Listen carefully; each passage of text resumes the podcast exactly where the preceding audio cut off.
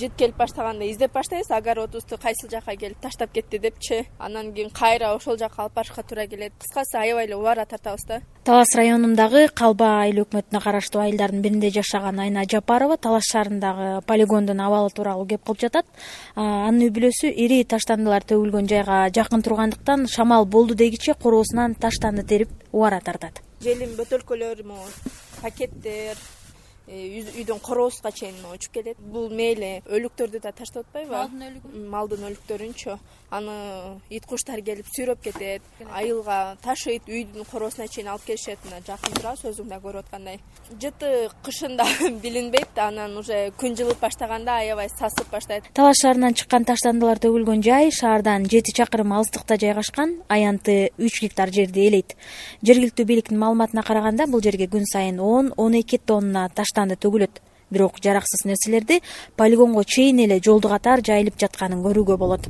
Ушул тегеректеги айылдарга эл ташыган таксист мирлан саадабаев мындай көрүнүш э, көп жылдан бери эле уланып келатканын билдирди. Мусорду саал таластан башпагып чыгып эле ташташып атпайбы. Бир километр өтүп эле таштайбыз таргаш жерине чуңкур буңкур көрсө эле таштап коюшат. Акала болуп эле. Полигондон нары эки үч километр мына пленкалар жатпайбы ал пакеттер. Тал теректерге чейин илинип турбай карабайсың желим э баштыктары кара нары жак бүт поледо фасоль себилет фасоль себилет буузай себилет биякты могу калбаны кестирип атат да. Беш чаш айыл бар да мына жерде. Нары жагы жоон арык ошол жакты көстүрүп атат. Мэрияга караштуу таза алык ишканасынын жетекчиси эркин аскаров да полигондон жабыркаган элдин үнү жүйөлүү экенин моюнга алды.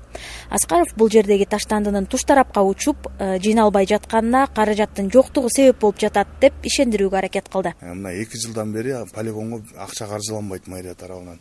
Ага чейин мэрия тарабынан акча бөлүнүп келген да жанагы сүрдүргөнгө? сүрдүргөнгө тазалап көмдүргөнгө утилизацияга. Былтыр частник бергенбиз частник карады. Мына быйыл дагы ошо частникти жана договордун негизинде милдеттендирип атабыз. Ал ошо күн жылыганда иш алып барып баштайт ошол жерде клеенка коробкаларды чогултуп э, пресси бар. Прессовать этип анан э, сырье мойдон бишкекке ташыйт да. Анан ошонун э, мойнуна илинген ал милдет ошол жерди тазалап түздөп туруу бирок бүгүнкү күндө жакшы аткарбаганына биз өткөндө кат жолдосок ушу тоң болуп атат түртө албай койду машинам ушу марттын аягы апрелдин башы бүт тегиздеп бүт түртүп жакшынакай кылып коем деп убадасын берди да. Жергиликтүү активисттер арасында таласта таштанды маселеси негизги көйгөй экенин айтып аны чечүүгө бийлик өкүлдөрү аракет кылбайт деп сынга алгандар арбын. Бул боюнча аймактагы жигердүү активист бектур медетов төмөнкүдөй оюн ортого салды. Өтө өкүнүчтүү талас болсо мусорго толуп калган жергиликтүү бийлик тараптан деле урна коюу менен эле чоң контейнер коюу менен эле бир эле коюп койду болду да. Телевидениядан же болбосо социалдык тармактардан эч кандай ушул ошол жака таштагыла анан кийин мындай штраф болот бул экологияга зыян болот кайра биздин эле келечегибизге эле өзүбүздүн эле турмушубузга ден соолугубузга зыян келет деп пропаганда эч болгон жок да. Ошон үчүн азыркы балдарыбыз жаштарыбыздын картаңдарыбыздын деле орто муун деле баардыгы эле мамилеси өтө төмөн да. Мындай маданияты өтө төмөн. Ушул ар кайсы жака эле таштанды таштай беребиз. Ойду келди элечи ал эми бийлик өкүлдөрү активисттердин мындай пикирин четке кагып тазалык боюнча түрдүү акцияларды уюштуруу менен таштанды маселесин жөнгө салууга аракет жасалып жатат деп ишендирип келет. Мэриянын маалыматына ылайык талас шаарын таштандыдан тазалоого күнүнө төрт унаа чыгат.